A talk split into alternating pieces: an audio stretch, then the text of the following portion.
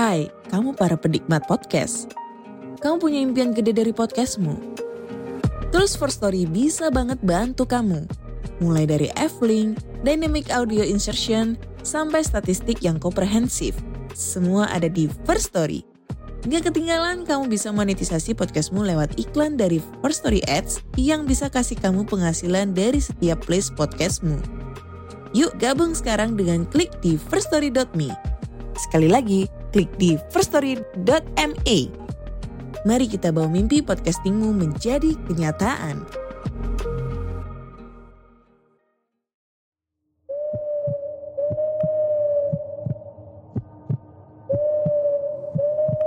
Pogo FM, listen on the go.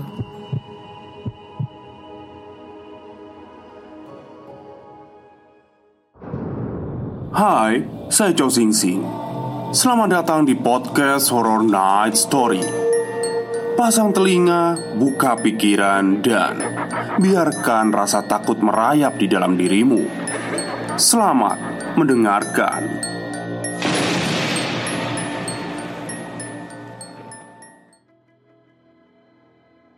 Assalamualaikum warahmatullahi wabarakatuh Halo semuanya Jumpa lagi dengan saya Chow Sing Sing Kurator dari podcast Horror Night Story. Halo apa kabar semuanya? Semoga kalian semua sehat-sehat ya. Dan seperti biasanya pada hari ini saya kembali Dan akan menghadirkan sebuah kisah mistis untuk kalian semua. Kisah mistis kali ini saya datangkan dari treat horornya Mas Buto lagi yang didapatkannya dari narasumbernya. Oke, daripada kita berlama-lama, mari kita simak ceritanya. Apa jadinya jika iblis kematian mengejarmu? Siapa yang akan menolongmu? Tidak ada yang bisa menolongmu kecuali keberanianmu sendiri. Cerita ini bermula di salah satu kota di Jawa Timur yang terkenal dengan patung burungnya. Mengenai kevalitan cerita, aku hanya merangkum apa yang sudah aku rekam tanpa mencederai narasumber yang telah bercerita kepadaku. Tahun 1991 Mas, mas, bangun Gusarku saat melihat suamiku. Masih tertidur pulas. Sebut saja Nama suamiku Bagio. Ia adalah perantau Dari kota ujung utara Jawa Timur.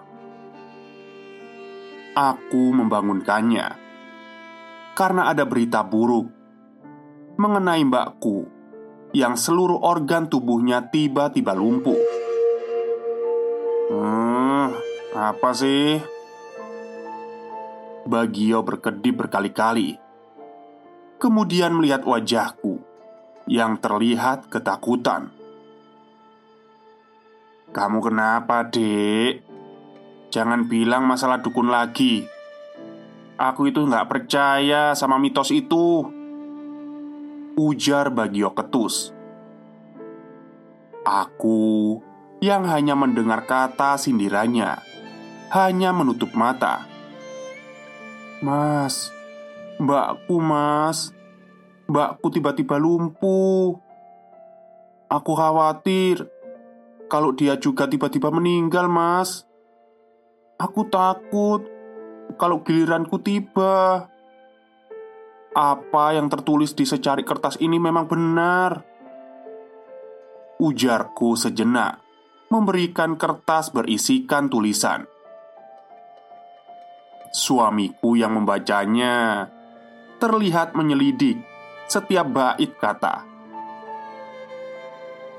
Aku masih bingung dengan tulisan ini. Aku tahu ini milik kakekmu. Tapi aku rasa ada rahasia yang ingin dia ungkapkan. Bagio masih mencerna tulisan itu. Aku nggak pingin mati, Mas. Kataku menahan kesedihan yang selama ini aku tahan. Aku sudah menerima menjadi yatim piatu, tapi untuk mati aku belum siap. Sejenak, Bagio terdiam melihatku. Aku akan memecahkan misteri ini, Dek. Aku janji padamu. Dek, aku rasa aku mulai mempercayai tulisan kakekmu. Di sini tertulis tiga benda keramat yang tidak boleh disentuh. Jika benda pertama telah dipegang atau dilihat, maka dua benda lainnya akan segera menyusul. Ujarnya kemudian memberikan kertas itu padaku. Aku nggak tahu kenapa nenekku tega melakukan pesugihan. Tapi derita yang akan ditanggung cucunya nggak pernah ia hiraukan. Kenapa ia tega melakukan semua ini? Kemarahan meliputiku bagai kobaran api. Ah, sudahlah. Yang sudah terjadi, biarlah terjadi. Setidaknya kakekmu memberitahu kita semua, walaupun melalui secari kertas, tapi kurasa masih ada tulisan yang tertinggal. Kenapa kita tidak ke rumah kakekmu saja? Rumah kakekku terpencil. Dulu aku pernah ke sana, dan selanjutnya aku nggak pernah lagi datang ke sana. Hawanya nggak enak, menyeramkan. Aku bahkan nggak ingat wajah kakek dan nenekku. Ya sudah, baiklah kalau kamu tidak mau. Aku akan melihat jenazah mbakmu besok. Kau mau ikut denganku? Kata Bagio berharap Aku yang mendengar merasa ketakutan Aku sebenarnya ingin melihat wajah mbakku di rumahnya Tapi setelah melihat jenazah kakak tertuaku tiga tahun yang lalu Aku hanya bisa menangis saja Seperti raga sudah kehilangan sukmanya membutuhkan waktu untukku menghilangkan shock ini. Aku teringat akan kematian yang akan kulalui. Aku sebenarnya ingin ke sana, Mas. Tapi aku masih trauma sama saudara laki-lakiku dulu. Aku aku hanya lagi-lagi Aku tak dapat menahan tangisku karena wajah masa lalu sulit untuk dilupakan. Kemudian, tak terasa tangan yang hangat memegang erat tanganku. Ya, kurasa kau tak perlu pergi ke sana. Biarlah aku yang mengontrol mbakmu. Apalagi ia sudah mati. Maka aku akan langsung menguburkannya. Kamu nggak usah khawatir ya. Sekarang kamu istirahat saja. Jangan terlalu memikirkan masalah dukun. Ujar Bagio tersenyum sendu. Aku pun menuruti sarannya dan tertidur pulas. Keesokan harinya, suamiku pergi ke rumah mbakku. Sedangkan aku membawa kertas, kemudian pergi ke pasar membeli makanan untuk keperluan beberapa hari. Aku pergi dengan membawa sepeda. Di sana, aku membeli keperluan makan untuk beberapa hari. Setelah lelah berbelanja, aku pun pergi ke toilet wanita hendak mencuci muka walaupun firasatku agak buruk. Huh, air keran membasahi tanganku. Lalu ku basuh muka sambil mengeluarkan tisu untuk membersihkan sisa air. Entah kenapa, bulu kudukku langsung berdiri, walaupun tak ada orang sama sekali.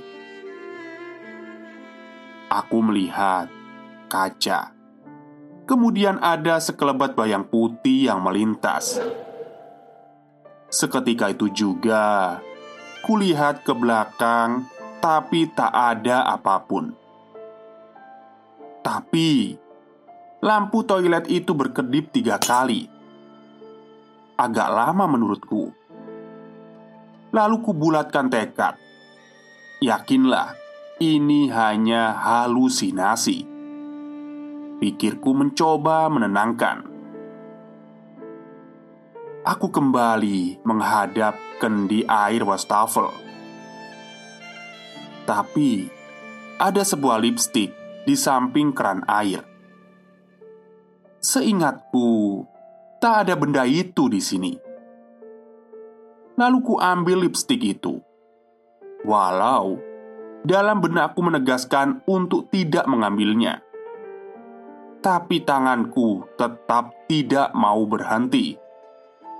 Seakan-akan lipstik itu magnet bagi tanganku. Ku pegang pelan, tapi bayang putih itu kembali ada.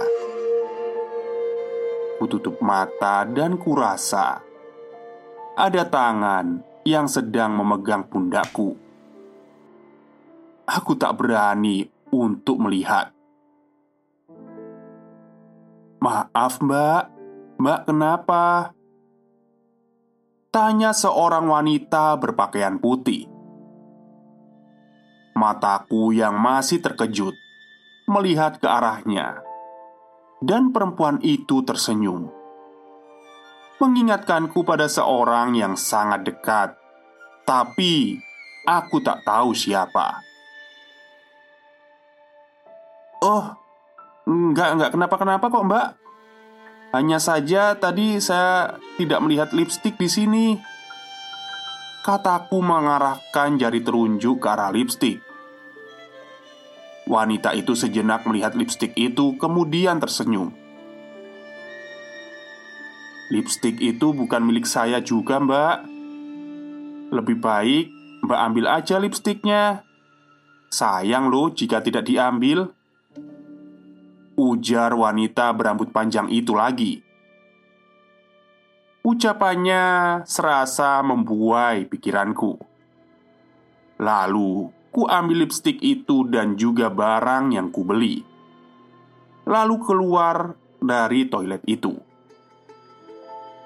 Sebelum keluar Aku sempat tersenyum padanya dan dia ikut tersenyum. Tapi saat aku berjalan keluar. Aku merasa ia menyeringai menatapku, tapi aku tak mempedulikannya. Lalu langsung balik pulang saja. Setibanya di rumah, ternyata suamiku telah berada di ruang tamu sambil ia berkata, "Aduh, Dek, aku tadi sudah melihat mbakmu Aku lihat semuanya. Kurasa sakitnya memang sangat tidak wajar. Ujarnya memasang tampang menyelidik. Aku menatap suamiku sesaat lamanya.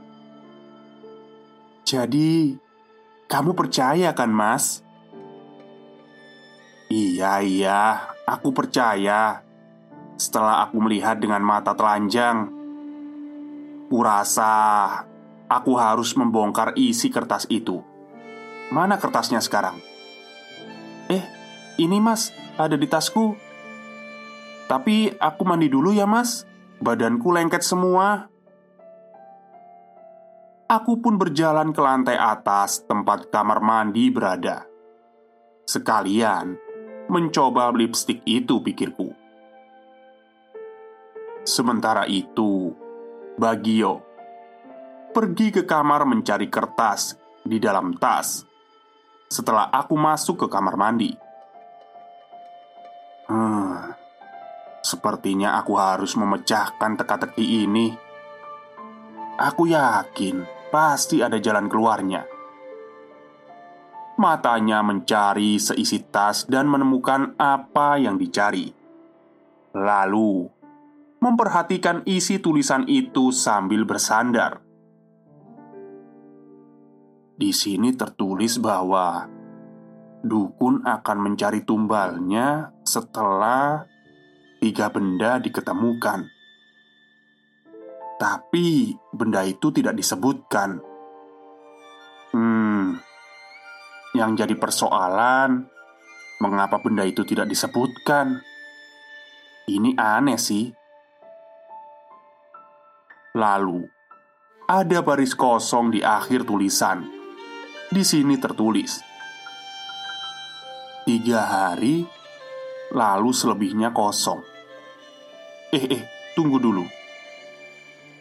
Bagio menyipitkan mata ke arah baris kosong tersebut, lalu melotot dan ternganga. Ternyata barisan kosong itu ada tulisannya. Nah, sepertinya aku harus kasih tahu dulu ke Wiji. Pasti ada yang kakek Wiji sembunyikan dari baris kosong ini. Setengah jam kemudian, Wiji keluar kamar mandi sambil memegang lipstik. Ah, aku mau coba lipstiknya ah. Sepertinya bagus.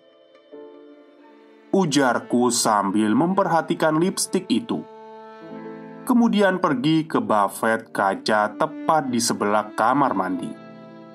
Setelah membuka penutup lipstik, tiba-tiba hawa dingin singgah di belakang leher. Tapi tidak kupedulikan. Lalu aku mengoles lipstik tepat di bibirku. Sebelum menyentuh bibir, dari arah kaca terlihat lipstik itu berubah bentuknya karena yang kupegang sekarang adalah jari tangan. Aku berteriak histeris sambil membuang jari tersebut ke lantai yang sempat menggelitik bibirku. Lalu terpejam ketakutan, aku meringkuk ke bawah. Bagio yang mendengar jeritan istrinya kemudian berlari keluar kamar dan menemukan istrinya berjongkok sambil menutup mata.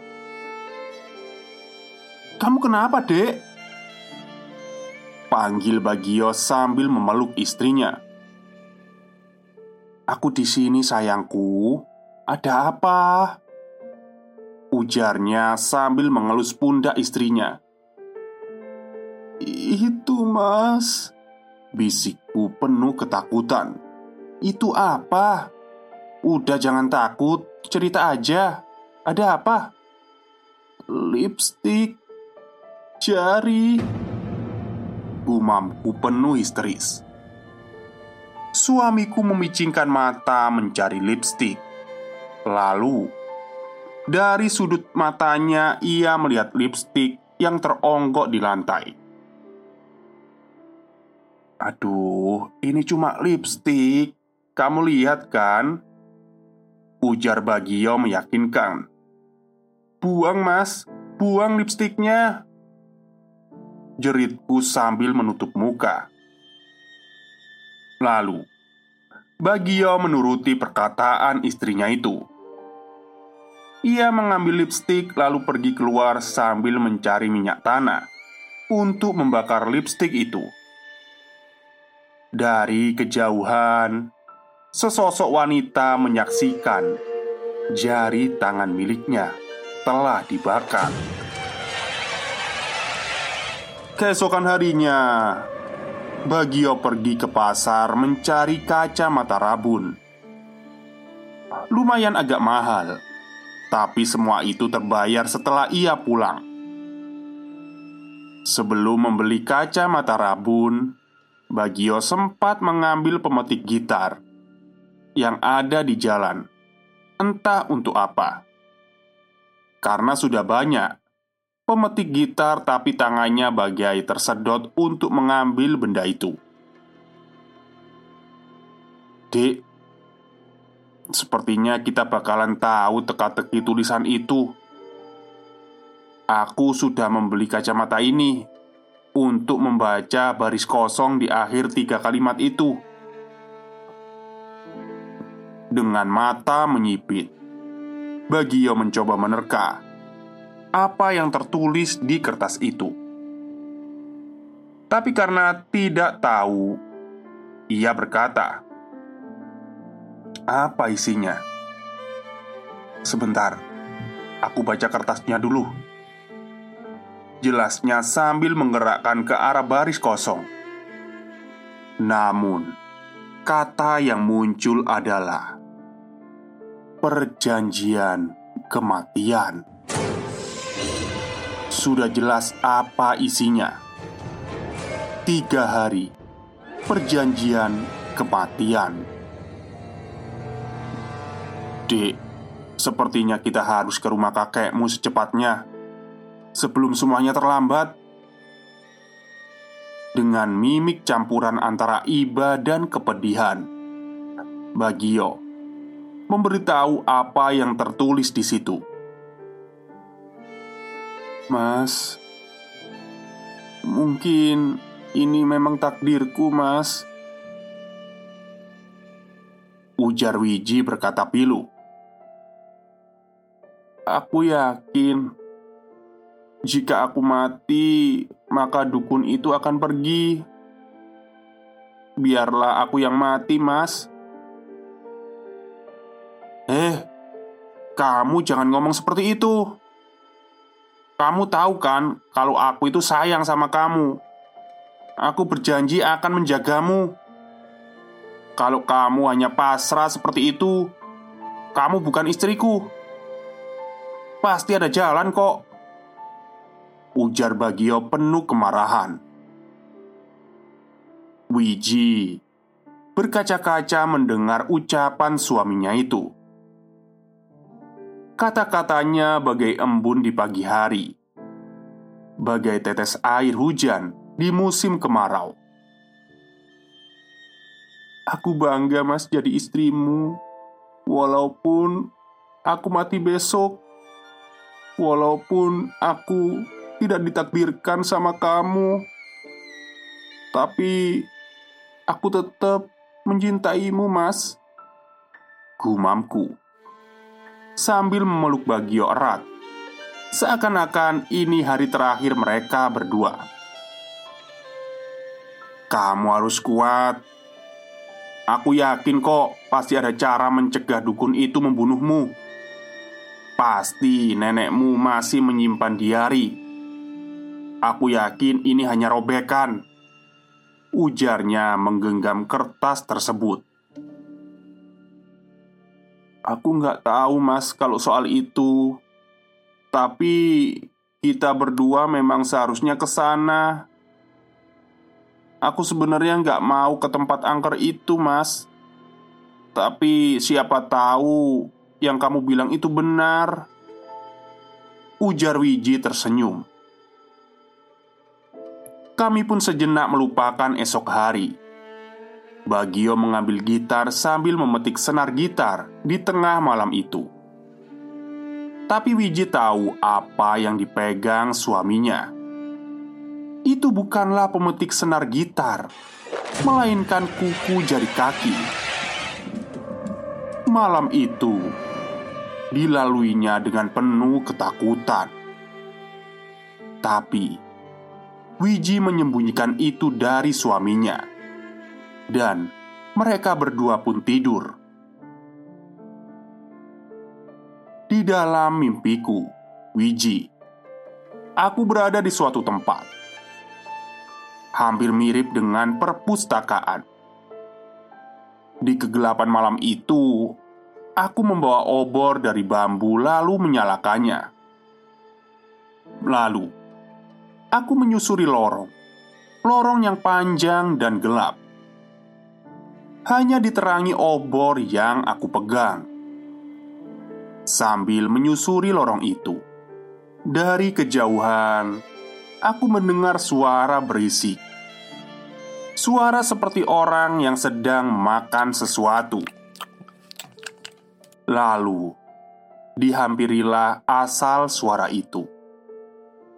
Dengan obor, aku memindai kegelapan. Dan tepat di depannya, sesosok wanita yang awur-awuran sedang memakan seseorang seseorang itu tak lain adalah mbakku. Se setan, jeritku keras-keras, berharap seseorang menolongku. Wanita iblis yang mendengar jeritanku itu lalu berhenti memakan organ tubuh itu. Ia lalu menengok ke arahku yang masih pucat pasi.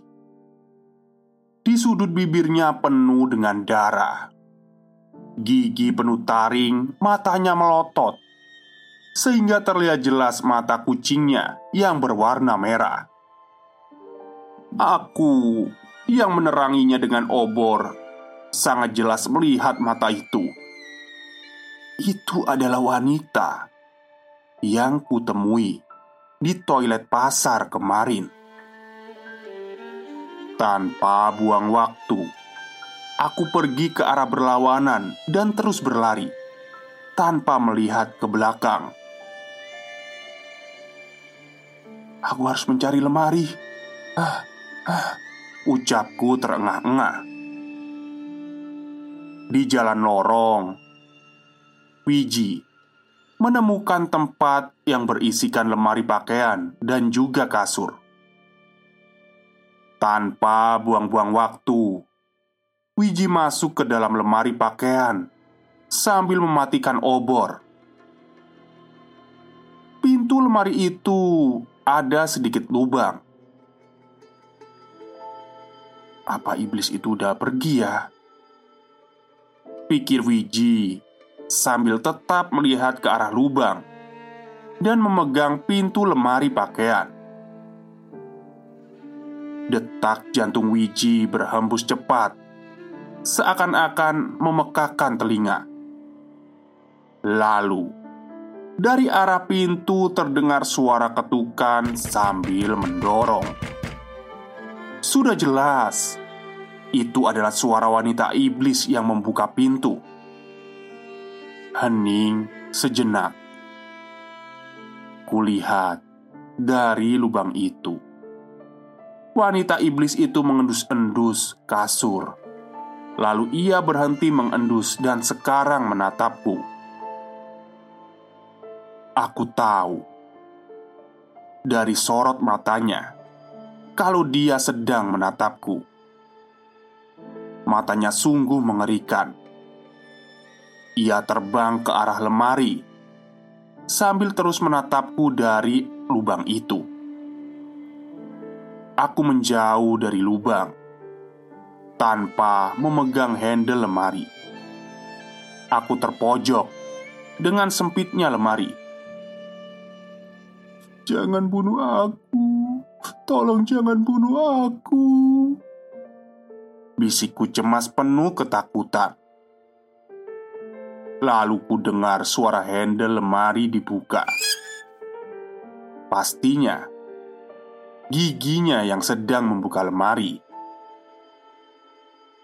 Aku memaki dalam hati. Kenapa nenekku melakukan ini semua? Kenapa hanya demi harta yang kecil nilainya justru sanggup mengorbankan keturunannya? Aku terus memaki, walau ku tahu ini semua salah. Aku tahu ini akhir hidupku. Lalu, iblis itu sudah ada di hadapanku sekarang. Lebih tepatnya di atasku karena aku sendiri jongkok dengan penuh ketakutan. Lalu, iblis itu mendekatiku. Dekat, dekat, dan... Eh, kamu kenapa sayang? Tanya Bagio sambil melirik diriku yang melotot ke arahnya dengan wajah penuh ketakutan. "Mas, aku ketemu wanita iblis, Mas." Ternyata wanita iblis itu adalah wanita yang kutemui di toilet pasar dua hari yang lalu. Kurasa ini hari terakhir kita, Mas. Hari terakhir? Maksudmu apa? Tanya Bagio sambil memicingkan matanya. Ah, jadi tiga benda itu adalah bagian tubuh dari wanita iblis itu. Aku baru tahu sekarang setelah melihat lipstik yang ternyata jari tangan dan pemetik gitar yang ternyata adalah kuku jari. Apa? Jadi yang kubawa kepunyaan wanita iblis itu? Gumam Bagio dengan jijik. Setidaknya ia tidak muntah. Iya, kamu memang tidak bisa melihat hal itu, Mas. Tapi aku yakin dengan semuanya ini, kita harus cepat-cepat pergi ke tempat kakek. Ya, kamu benar. Tapi sekarang aku sedang berpikir, gimana caranya menakuti dukun. Kamu ada ide?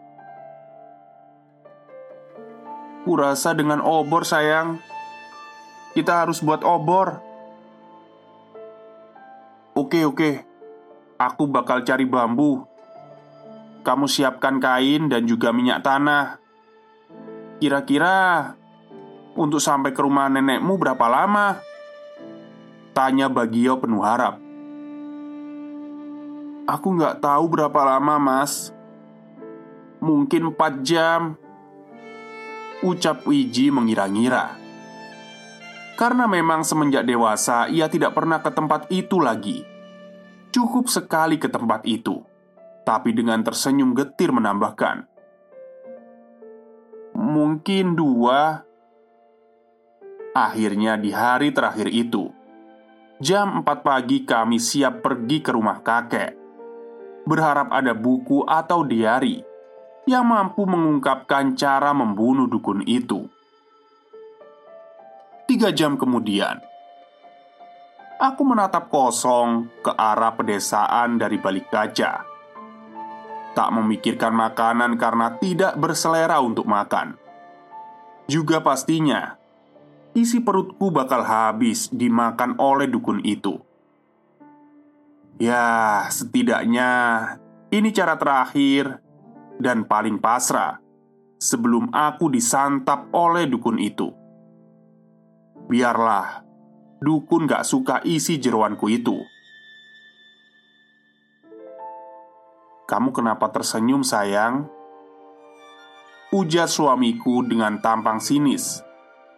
Jelas sekali dia tak yakin dengan apa yang kupikirkan. Mengingat kondisimu saat ini Aku berani bertaruh Dengan isi kantongku sekarang juga.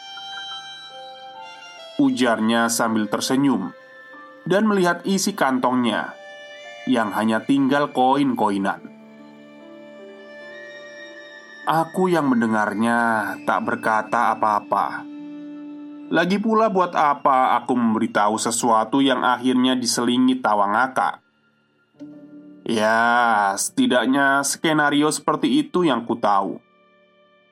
Kami berdua terdiam penuh konsentrasi Suamiku memikirkan jalanan yang penuh batu karena kami sudah memasuki daerah terpencil.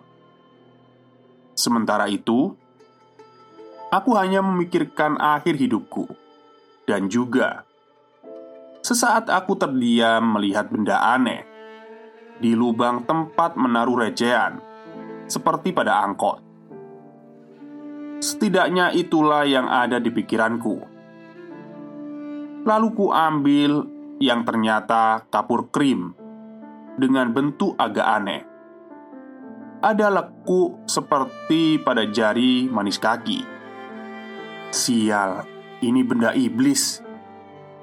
Pikirku sambil turun dari sedan dan membuang kapur itu. Kapur itu berubah menjadi jari. Sejenak Bagio melirikku dan bertambah pucat. "Kamu kenapa?" tanyanya heran. Sepertinya yang kupegang tadi benda terakhir. Sebaiknya kita cepat-cepat ke rumah kakek. Kurasa dukun itu sedang mengarah ke sini. Hmm, Aku sebenarnya ingin berkata sesuatu padamu. Sepertinya aku hanya berputar-putar di rute yang sama. Bisik Bagio. Apa? Kamu bercanda kan, Mas? Kataku setengah tak percaya karena rutenya sudah ku beritahu. Aku nggak bercanda. Sepertinya ada yang aneh. Lebih baik kita tanya ke penduduk sini. Tunggu bentar ya. Suamiku mencari warga desa untuk mencari rumah peninggalan kakek. Terlihat ia berhasil menemukan tukang kayu panggul, dan orang itu menunjuk lurus dan membisikkan sesuatu. Beberapa menit kemudian, ia tiba di sedan dengan tersenyum masam. Penduduk sini bilang jika orang asing sering tersasar di daerah ini, kecuali ada seseorang yang pernah atau memiliki ikatan di kampung ini.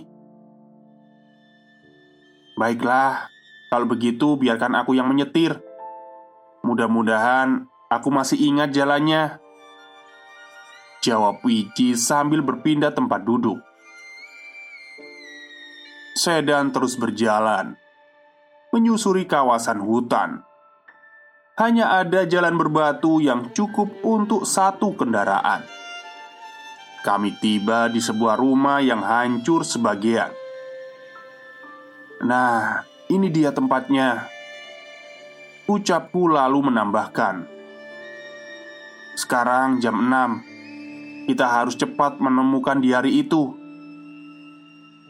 Sebaiknya aku membawa dua obor Ucap Bagio sambil berlari ke sedan Membawa obor yang telah diberi minyak lalu dinyalakan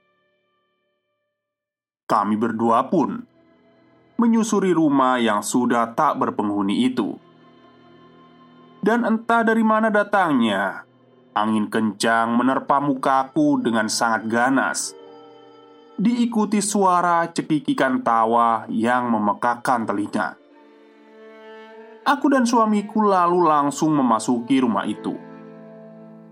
"Cepatlah, kita tak punya waktu." Ujar resah suamiku sambil mengawasi sekeliling tempat. Aku yang pergi ke tempat yang penuh buku, lalu mengobrak-abrik buku itu, dan tak sengaja menjatuhkan buku yang dilapisi oleh cap darah. Sepertinya ini bukunya, bisikku senang. Lalu aku mulai membuka satu persatu kertas itu. Berisikan perjalanan hidup kakek. Dan saat-saat ia tahu pesugihan istrinya. Semuanya tertulis di buku ini Buku ini lebih dari sekedar diari Ini adalah jiwa kakek Pikirku Aku beralih ke bagian tengah buku yang ternyata terba terdapat robekan. Ternyata robekan itu sama dengan kertas yang selama ini aku baca. Aku dengan tidak sabaran membaca kalimat itu dengan agak acak. Entah karena ditulis sambil menggigil atau Wiji, lari dari sini. Teriak Bagio yang telah ditabrak dukun. Obor yang dipegangnya terpental Ke arah tumpukan kertas sehingga membakar seisi rumah. Tidak! Aku menjerit melihat suamiku yang menatap nanar padaku. Seakan-akan menyuruhku pergi dan bergumam tanpa kata Yang seakan-akan hendak mengatakan Keselamatanmu adalah segalanya dukun itu sudah menggigit lehernya dan kemudian jantungnya. Kejam, seharusnya aku yang mati, bukan suamiku. Aku berlari sambil membawa diari itu. Ingin rasanya aku mati mengikuti jejak suamiku. Tapi dari matanya aku tahu ia ingin aku tetap hidup. Aku berjanji akan menjagamu. Itulah kata suamiku. Dengan berurai air mata, aku berlari ke arah sedan, dan kulihat di belakang dukun. Di belakang, dukun itu berlari mengejarku. Tawanya membuat bulu kuduku merinding. Ditambah lagi desah angin bertambah cepat. Sedangkan pintu sedan tak bisa dibuka. Ayolah terbuka Kataku semakin cemas. Dukun itu tinggal beberapa meter lagi dari arahku Dengan rambut panjang dan mulut yang penuh darah Seperti ingin berteriak Aku mengeluarkan seluruh tenagaku hingga akhirnya pintu sedan terbuka. Lalu aku langsung masuk dan mengunci pintu tepat sebelum dukun itu menabrak kaca pintu sedan. Syukurlah, untung sudah kututup kacanya. Ujarku. Tapi kemudian aku memaki dalam hati. Sial. Pintu kaca samping belum ditutup. Aku melotot melihat dukun itu. Sepertinya dia tahu jalan pikiranku. Lalu ia lompat seperti terbang tepat saat ku memutar kaca jendela untuk menutup sedan. Tapi sialnya, ia sudah seperempat masuk. Kepala dukun ini kuat sekali. Lalu kunyalakan obor sambil menyodorkannya tepat di wajahnya. Lalu dukun itu berlari menjauh. Kesempatan itu tak kuabaikan. Langsung saja kututup kaca yang telah berlapis darah dan langsung tancap gas. Di perjalanan pulang, aku melihat dukun itu masih mengejarku di belakang sedan. Kesempatan itu kugunakan untuk menarik gigi dan aku langsung berhenti memundurkan sedan secepat mungkin. Lalu, dukun itu menabrak kaca belakang dan terus menggelinding di atas sedan menuju bawah sedan. Aku memundurkan sedan itu lagi. "Mati kau dukun! Mati kau!" Ucapku dengan penuh amarah. Aku melindas kepala dukun itu Setidaknya dia sudah mati. Pikirku sambil terus memacu sedan. Di perjalanan pulang, aku membaca kembali di hari itu. Aku membaca bait terakhir yang tertulis bahwa dukun hanya akan mati dengan pisau, dan pisau ini terletak di rumah anak kakek. Sengaja ia kubur di ruang tamu, tepat di bawah lampu. Jadi, di rumah ibuku ada pisau itu. Bisa jadi, kalau pisau itu dari dulu kutemukan, mungkin tiga nyawa manusia telah tertolong. Kataku dengan penuh air mata. Mas, maafkan aku, Mas. Akhirnya, Setengah 12 malam aku tiba di rumah dengan membawa tujuh obor. Semua pintu dan jendela ku kunci. Tepat di ruang tamu aku membuat lubang Di sekeliling untuk tempat enam obor. Lalu kunyalakan sambil membongkar lantai. Ayolah cepat Cemasku sambil menggali lebih dalam Dan segera berharap bertemu dengan pisau itu Lalu tak terasa saat digali seperti menimpa sesuatu mirip besi. Lalu ku korek Dan ternyata berupa pedang, bukan pisau. Kemudian ku baca kembali isi diari itu Yang tertulis. Pisahkan kepala dukun itu agar membebaskan jiwa. Hah? Kenapa ada baris kosong di akhir kalimat ini? Lalu ucapan itu tak dicernanya karena dukun itu kembali lagi ke arah jendela, memecahkan kaca dan terus menuju ke arahku. Ah, Aku yang melihatnya tak merasa takut. Inilah saatnya aku membalas kematian suamiku. Saat dukun mengarah ke arahku, aku tebas kepalanya. Kepala itu jatuh sambil menatapku. Mata dari kepala itu melihatku dengan berkaca-kaca dan tersenyum. Dia mengatakan seakan-akan apa yang di apa yang dikatakan di hari itu benar. Sekarang jiwa dukun itu telah bebas. Lalu kulihat dari sudut mata. Seperti menatap erat padaku dan sebutir air matanya menetes di sana. Seakan-akan mengatakan satu kata yang mustahil untuk diucapkan. Karena dari air mata itu tersirat kata "maaf". Dan kemudian akhirnya dukun itu seperti cepat lapuk dan ditiup angin seiring dentang jam menunjukkan jam 12 Tepat setelah itu Aku mengunjungi rumah kakekku kembali Sekaligus membawa jasad suamiku Dan mengembalikan di hari itu di sana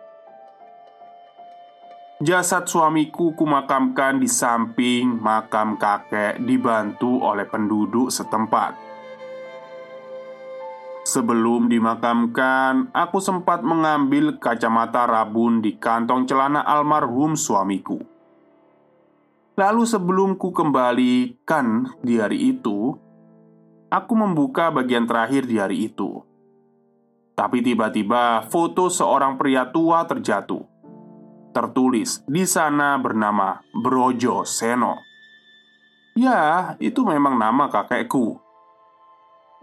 Tapi setelah melihat wajah itu, bukankah ini wajah pria itu? Bagaimana? Kemudian kuarahkan kacamata di baris kosong itu. Lalu paru-paruku seakan tersedot keluar karena dukun yang kubunuh adalah kakekku sendiri. Kematian adalah teka-teki. Kita terlahir dengan satu cara, namun kematian menjemput dengan berbagai cara. Saya pamit undur diri. Sampai ketemu di episode selanjutnya cerita selesai. Oke, itulah cerita yang didapatkan Mas Buto Ebel dari narasumbernya ya. Seperti yang dikatakan dari awal, kevalitan cerita ini uh, maaf agak tersedak ya. Kevalitan cerita ini mungkin Ya Terserah lah ya Terserah Orang yang mendengar seperti apa. Tapi ya Mungkin menimbulkan skeptis bagi banyak orang ya. Dan Saya juga turut berduka cita atas kematian Mas Bagio Yang sudah rela mengorbankan nyawanya demi istrinya ya. Benar-benar suami yang bertanggung jawab sampai akhir hayatnya ya. Bahkan dia itu suami yang selalu menenangkan suaminya. Eh, suami yang selalu menenangkan istrinya di saat istrinya itu sedang panik. Jadi nggak malah mungkin malah di biasanya kan kayak kalau kayak gitu kan malah dimarahi atau gimana gitu ya. Tapi ini dia itu menenangkan istrinya sampai dia berani mengorbankan nyawanya sendiri. Oke, mungkin itu saja cerita pada hari ini. Dan satu kata yang saya tangkap dari cerita ini adalah memang benar ya. E, katanya jika seseorang melakukan suatu pesugihan atau penglaris, harta yang didapatkan itu adalah harta dari anak turunnya.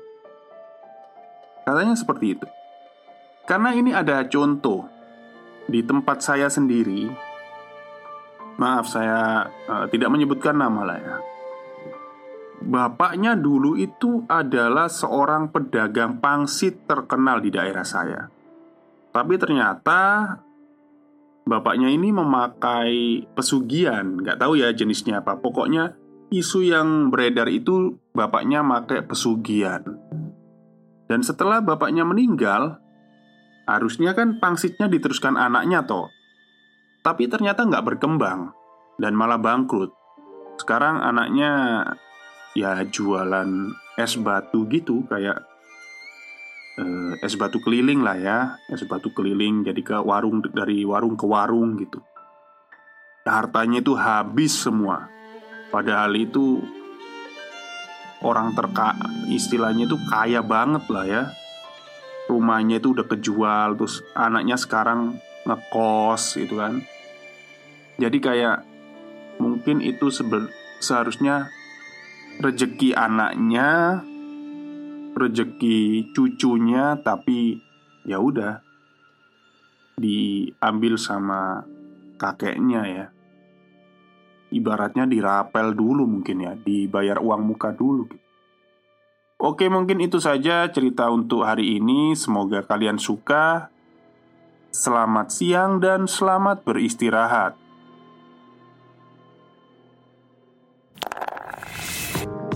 Kamu tim kura-kura, kupu-kupu, atau kuda-kuda? Ngomongin seputar kehidupan kampus, emang gak ada habisnya. Apalagi bareng kita, di Podcast Nirvana. Bareng gua Dito, Tita, dan Max, yang rilis setiap hari Kamis dan Minggu, eksklusif hanya di Pogo FM.